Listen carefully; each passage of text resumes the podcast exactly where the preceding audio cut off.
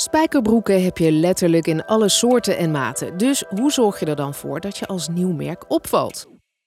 Tony Tonnaar is dat met Kings of Indigo gelukt.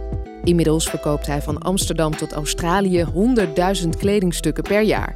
En in een industrie die als vervuilend te boek staat, doet hij juist alles duurzaam. Mijn naam is Annette van Soest en in de podcastserie Stappenmakers hoor je ondernemers stappen maken. Omdat ze kansen zien, willen groeien of omdat ze moeten. Een crisis, klimaatverandering, digitalisering, bedrijven kunnen niet achterblijven. Al wandelend ga ik met ze in gesprek over de stappen die ze hebben gezet. Vaak digitaal, soms op een andere creatieve manier. We beginnen bij de werkplek van de ondernemer en gaan daarna tijdens een wandeling in de omgeving echte stappen maken. In deze aflevering ga ik op stap met Tony, die met zijn duurzame denim impact wil maken in de kledingindustrie. Ik spreek met hem af op het hoofdkwartier op Eiburg in Amsterdam, waar hij met een club van 15 mensen Kings of Indigo vormt. Hi, ik heb een afspraak met Tony. Hey, hallo Annette, welkom bij Kings Windigo, bij Kooi hier op Eiburg. Nou, eh, het is hier hartstikke mooi. Uh, een mooie dag en een fantastisch uitzicht. Ja, dat was ook het eerste waar ik voor viel toen we hier uh, drie jaar geleden dit kantoor gingen bekijken. Je ziet hier uh, Vuurtoren-eiland Almere, Durgedam. En op zonnige dagen zoals dit kun je helemaal tot de markt kijken over het water. Dat is natuurlijk fantastisch. Vertel, wat, wat doe je hier? Um, ik, ik zie heel veel denim, natuurlijk, zou ik bijna zeggen.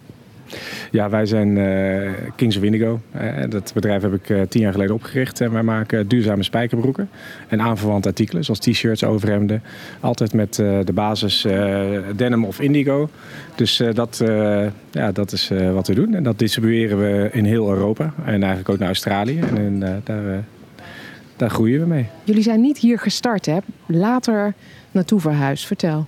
Nee, wij zijn hier uh, zijn gestart eigenlijk uh, gewoon eigenlijk op de traditionele zomerkamer van uh, mijn appartement. En daarna op de Herengracht bij een vriendin van mij die een half jaar in het buitenland was. En toen hebben we in 2011 een investeerder gevonden. Die had een kantoor in Amsterdam-Noord. Toen zijn we daarbij ingetrokken. En zij hebben voor ons de hele back-office verzorgd. Zoals logistiek, IT, systemen. En nou, daar zijn we bij aangesloten. En hebben een dealtje meegemaakt dat wij voor hun jeans zouden gaan maken. Ze hadden een ander kledingmerk wat Jesus heette. En zij konden voor ons de back-office regelen. En zo we elkaar eigenlijk uh, versterken. Zij hadden iets wat wij niet uh, hebben en wat we graag wilden. En vice versa. En uh, zo toen zijn we daar terechtgekomen in 2011. Duurzame denim. Um, nou, het ligt er hier vol mee. Hele planken, kisten, rekken vol.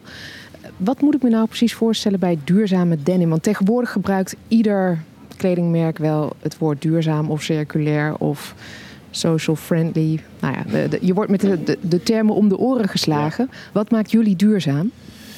Nou, het is een heel complex uh, gegeven natuurlijk. Uh, ik maak al uh, duurzame jeans sinds 17 jaar. Dus ik ben begonnen bij Koichi ooit als algemeen directeur. Heb ik 7 jaar aan het roer gestaan. We zijn inmiddels 10 jaar hier bezig. En voor mij is duurzaamheid is een holistische benadering. Dus iedereen is wel een beetje biologisch of een beetje sociaal. Maar eigenlijk bestaat bij ons het hele beleid eigenlijk uit vijf verschillende pilaren. waarbij het sociale omstandigheden in de fabriek heel erg belangrijk zijn. de materialen waarvan je het maakt, biologisch, recycled dus dat die minder impact hebben. Wat heel belangrijk is, bij jeans wordt heel veel water gebruikt om te verven en om uh, broeken uh, ouder te maken. Dus gewassen. Uh, dus dat doen wij zonder water of met minder water of, en zonder chemicaliën, zoals chloor of permanganate, wat een, wat zeer schadelijk is voor het milieu.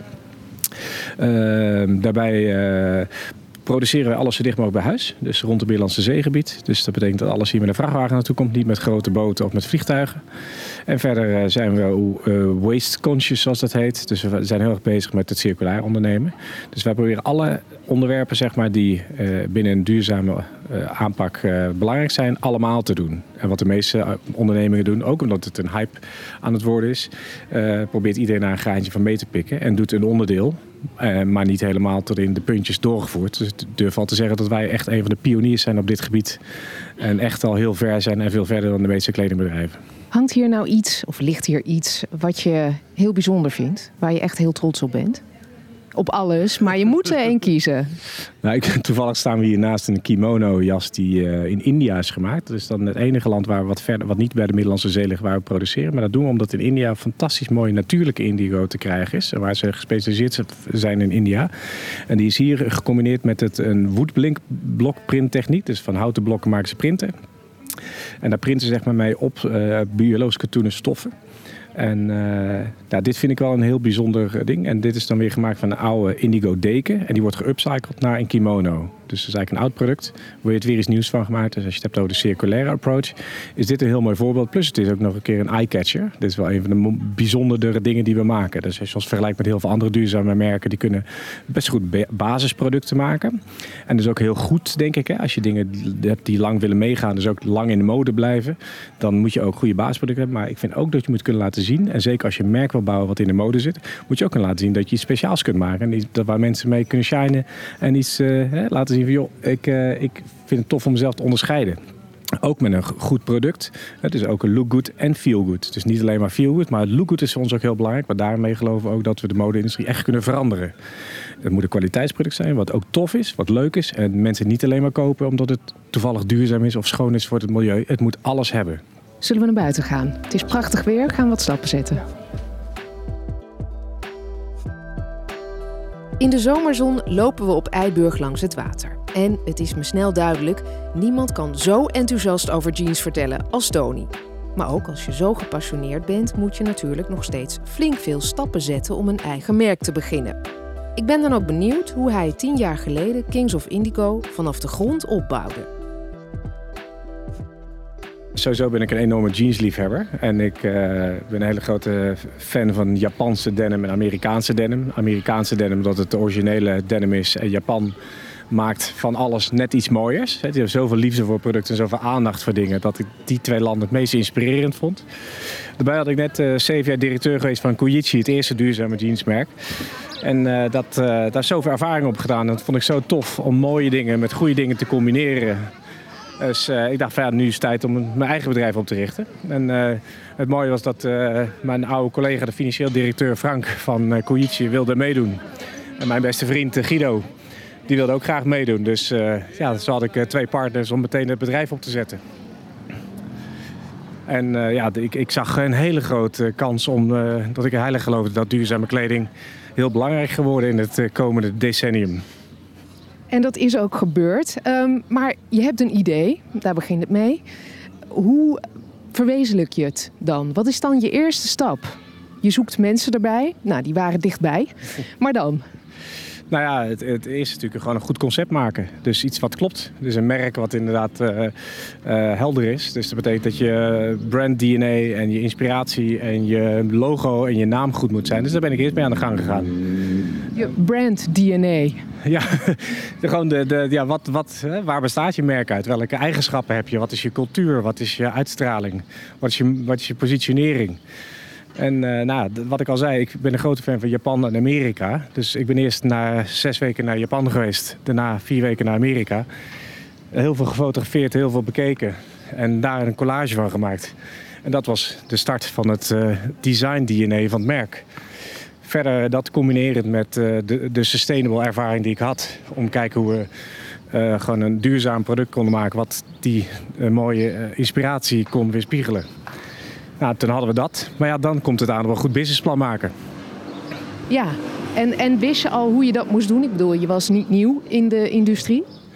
Nou ja, ik was zeven jaar directeur geweest van een bedrijf waar we ook continu plannen moesten maken. Uh, cashflow-prognoses, uh, businessplannen, forecasts.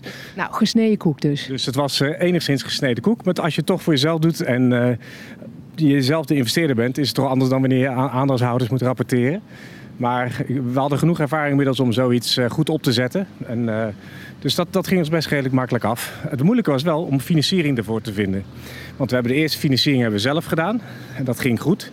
Om de start-up fase door te komen. Maar we hadden wel vanaf uh, dag 1 hadden we zeg maar, het plan om een, echt een externe financier uh, bij te trekken. Om ook echt te kunnen opschalen.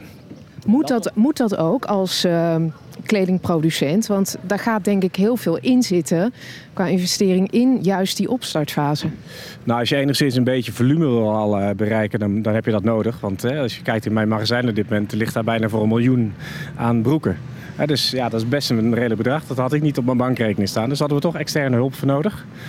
Ehm, als je heel klein wil blijven, en heel, die, daar zijn ook heel veel mooie voorbeelden van, dan kan het ook best alleen. Dus dat hoeft niet. Maar voor ons was het wel een keuze, omdat duurzaamheid, naar mijn idee, alleen zin heeft als je ook een bepaald volume weet te genereren.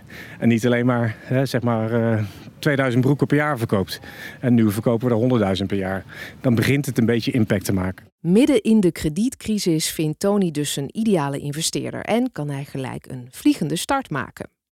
Dat Kings of Indigo al snel een succes is, komt ook vanwege een sterke eigen identiteit. En daarbij hoort ook een sterke merknaam. Kings of Indigo is afgekort kooi. En laat Tony nou net een grote tatoeage van een kooikarper hebben. Nou, die kooikaper heb ik laten zetten toen mijn moeder eh, net overleden was. En dat is al bijna twintig jaar geleden. Maar eh, die had een hekel aan tatoeages. En ik wilde dat eigenlijk al vanaf mijn twaalfde. Dus toen, toen, uh, toen, toen zij overleed heb ik hem toch als, als, als eer aan haar heb ik hem gemaakt. Dus ik vond een kooikaper een prachtig beest. Het zwemt tegen de stroom in. En het is, is, een ode aan Japan. Nou, dat is ook een heel groot gedeelte van de inspiratie voor dit merk. Dus het, ten eerste was het een simpele naam. Ten tweede hè, doet hij iets anders dan wat de rest doet. Hij zwemt tegen de stroom in. Dat deden wij ook met duurzame kleding. En verder is het uh, de relatie Japan. Ja, dus, uh, en hij zwemt in het water. En het water proberen wij zo schoon mogelijk te houden met duurzame productie. Dus uh, het paste perfect die naam. Ja, het paste al voordat je wist dat je kooi ging oprichten. ja, ik had die tatoeage, die heb ik al uh, 23 jaar geleden laten zetten. Dus die had ik al 13 jaar voordat ik dit opgericht heb. Maar goed, dus terug naar het begin. En je, je had dus de mensen, je had de kanalen, de verkoopkanalen. Um, maar jullie gingen wel al heel snel de grens over naar Duitsland. Dus jullie begonnen in Nederland, gingen meteen naar Duitsland. Uh, waarom ben je zo snel de grens overgegaan? Nou, het is met fabrikanten waar ik een heel goed netwerk al had uit mijn vorige bedrijf. En bedrijven eigenlijk waar ik gewerkt had. Uh, had ik met de distributie ook al een heel sterk agentennetwerk in Duitsland uh, waar ik al mee werkte. In, uh, in Düsseldorf, in Hamburg en in Stuttgart. Die konden heel Duitsland van mij bestrijken. En die werden net door Quiche aan de kant gezet. Omdat zij eigen distributie wilden gaan doen. Dus het kwam mij heel goed uit. Eigenlijk sterker nog, een van die agenten belde me op van jongens Tony, jij moet nu van de bank afkomen. Jij moet een nieuw merk oprichten en wij gaan het voor jou verkopen. Dus zij zijn ook een van de eigenlijk de aanleiding geweest bijna dat ik dit ging doen. Dus voor mij was Duitsland vanaf dag één belangrijker bijna dan Nederland. Of in ieder geval groter.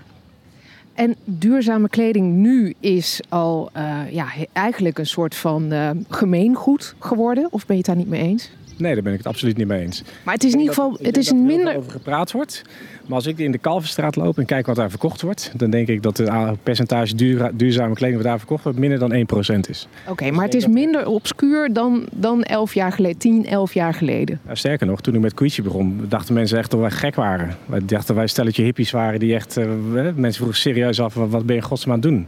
Uh, biologisch katoen, dat is toch gewoon een plant, is toch biologisch? Niemand had een idee erover. En het mooie is dat er nu veel meer bewustzijn is. En vooral bij jongere generaties. Als ik kijk uh, naar studenten waar we als gastcollege geven op Amfi, Amsterdam Fashion Institute, uh, die, die, die leven dit al. Weet je? mijn zoon van acht, die weet er al heel veel van recycling. Die weet al precies hè, onze broeken waar die van gemaakt zijn. Het moeilijkste is mijn generatie nog overtuigen. Hè? Dus de oudere generatie die zegt, joh, die, wil ook, die moet je veranderen.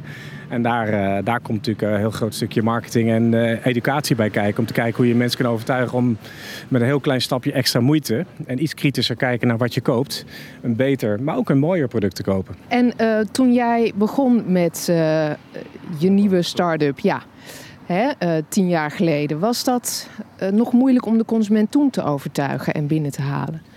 Liep het meteen? nou, het liep vooral omdat het gewoon mooie producten waren eigenlijk. niet zozeer omdat het duurzaam was.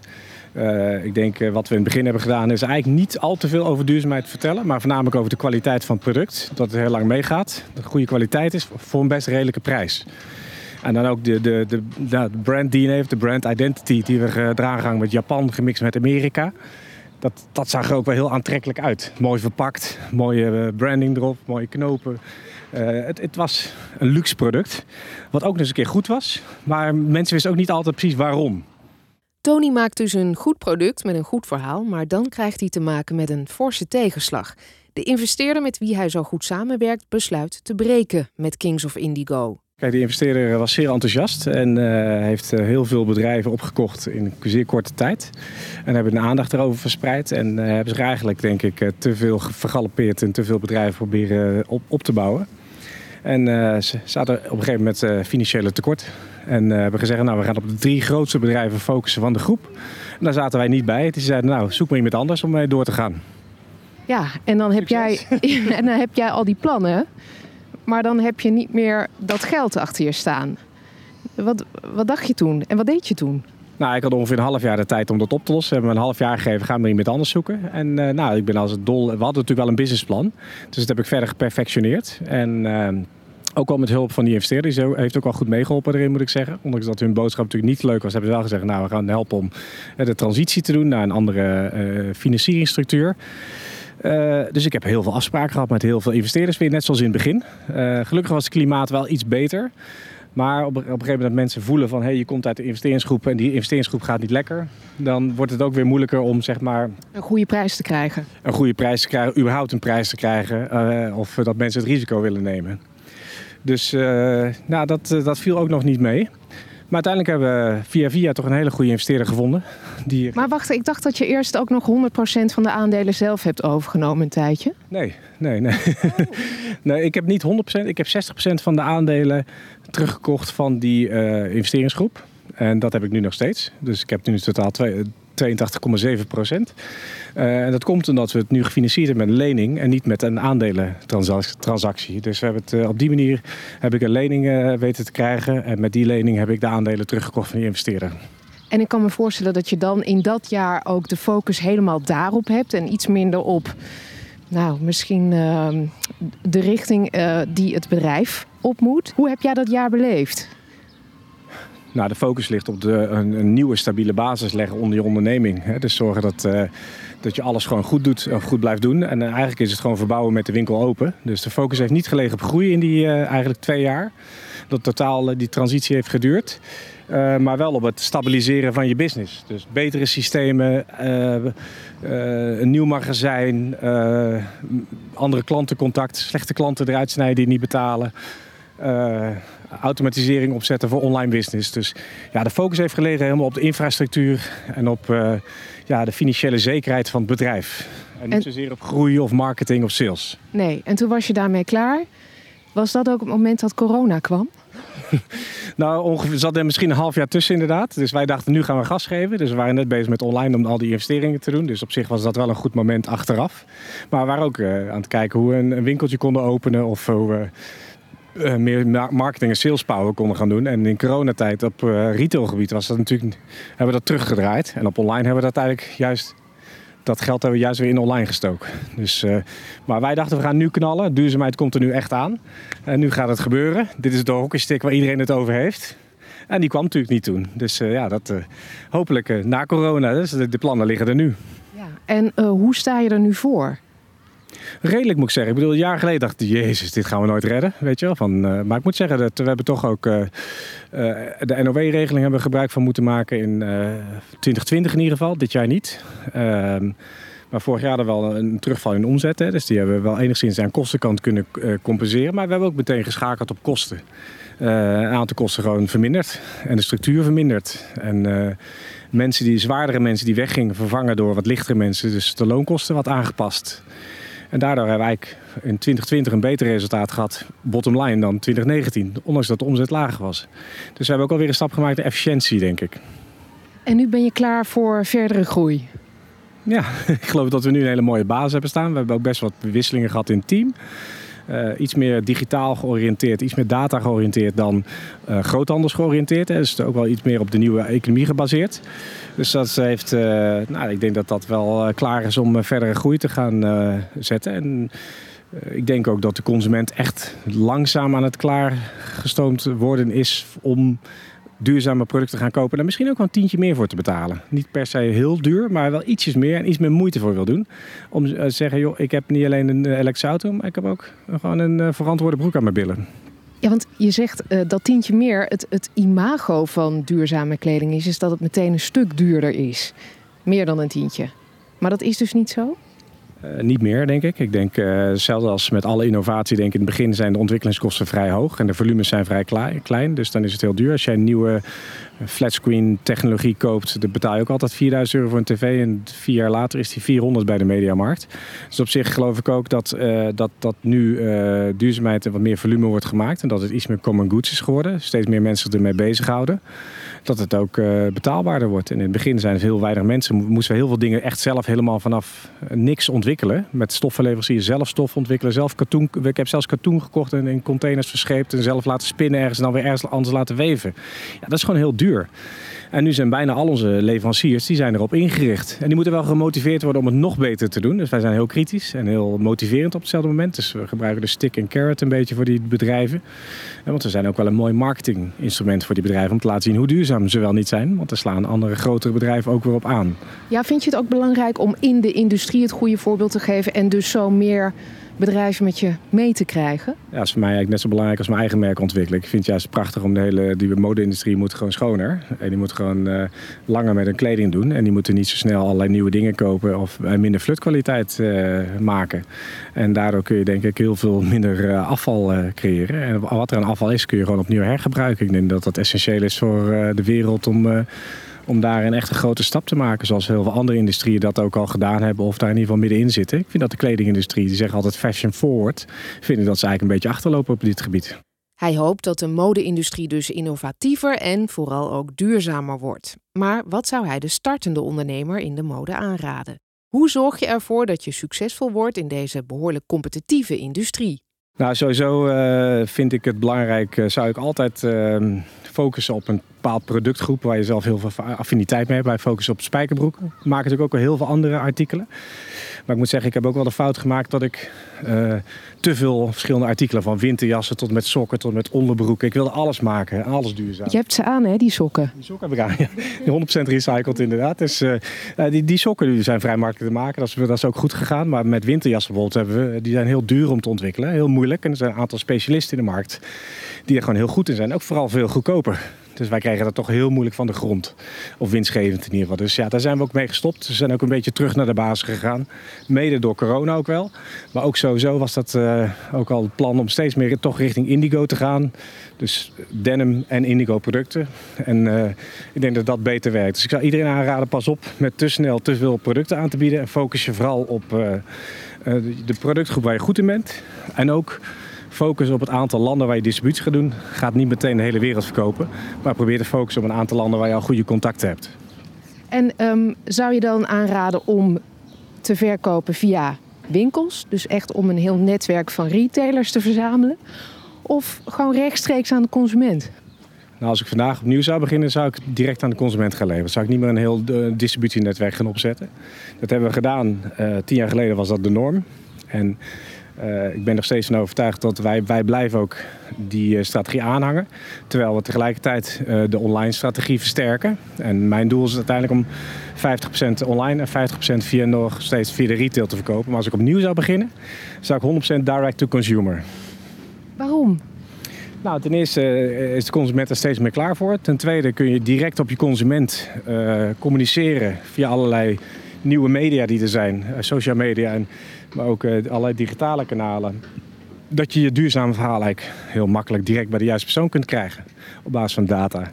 En via winkeliers doe je dat ook wel, maar dat is veel indirecter. Dus het gaat veel langzamer. En het is heel moeilijk te meten wat je precies doet. Dus je bent heel erg afhankelijk van die winkelier, wat die vindt of wat hij koopt. Of hoe hij zijn verhaal doorvertelt. Dus het is wel uh, lastig. Hey, en hoe ziet de toekomst eruit voor jullie? Want um, je wilde een paar jaar geleden echt heel graag een eigen winkel. Is die wens er nog steeds? Ja, zeker. We hadden die wens in 2017 waren we bezig. Ik had het contract al bijna getekend uh, voor een winkel. En uh, ik had de bakstenen al gekocht van recycled materiaal gemaakt. En die liggen nu nog steeds, liggen er 3000 op voorraad om gebruikt te worden. Dus ik zou ze graag nog een keertje inzetten. niet nu, omdat de focus ligt nu op online business. Maar ik zou heel graag wel weer een eigen plek willen in Amsterdam. Waar je de volledige core experience kunt hebben met broeken passen, een kopje koffie drinken. En wat meer horen over duurzaamheid. En hoe, dat, hoe je zelf met relatief kleine stappen de wereld een beetje mee kan eh, verbeteren. En tegen de stroom inzwemmen, zoals een kooikarper doet, blijf je dat ook doen? Ja, dat zit sowieso in mijn natuur tegen de stroom inzwemmen. Hoewel steeds meer mensen met ons mee gaan zwemmen. Dus uiteindelijk zwemmen we met de stroom mee. Maar ik denk door snel te blijven innoveren, maar ook de speciale producten te maken uh, in India, maar ook in andere landen, zeg maar. En, en, daarin altijd voor te blijven lopen, weet ik zeker dat wij tegen de stroom in blijven zwemmen. En altijd net iets anders doen dan onze concurrentie. En daar ook uniek blijven. Die kooikarper is dus goed gekozen. Met een sterk merk en een minstens zo sterke focus heeft Tony dan ook alle ingrediënten in huis om met zijn duurzame denim de wereld te veroveren. Mijn naam is Annette van Soest. Leuk dat je luisterde naar deze aflevering van Stappenmakers. Wil je horen welke stappen andere ondernemers hebben gezet? Luister dan de hele serie. Ben jij ondernemer en wil je meer informatie over duurzaam ondernemen? Ga dan naar kvk.nl.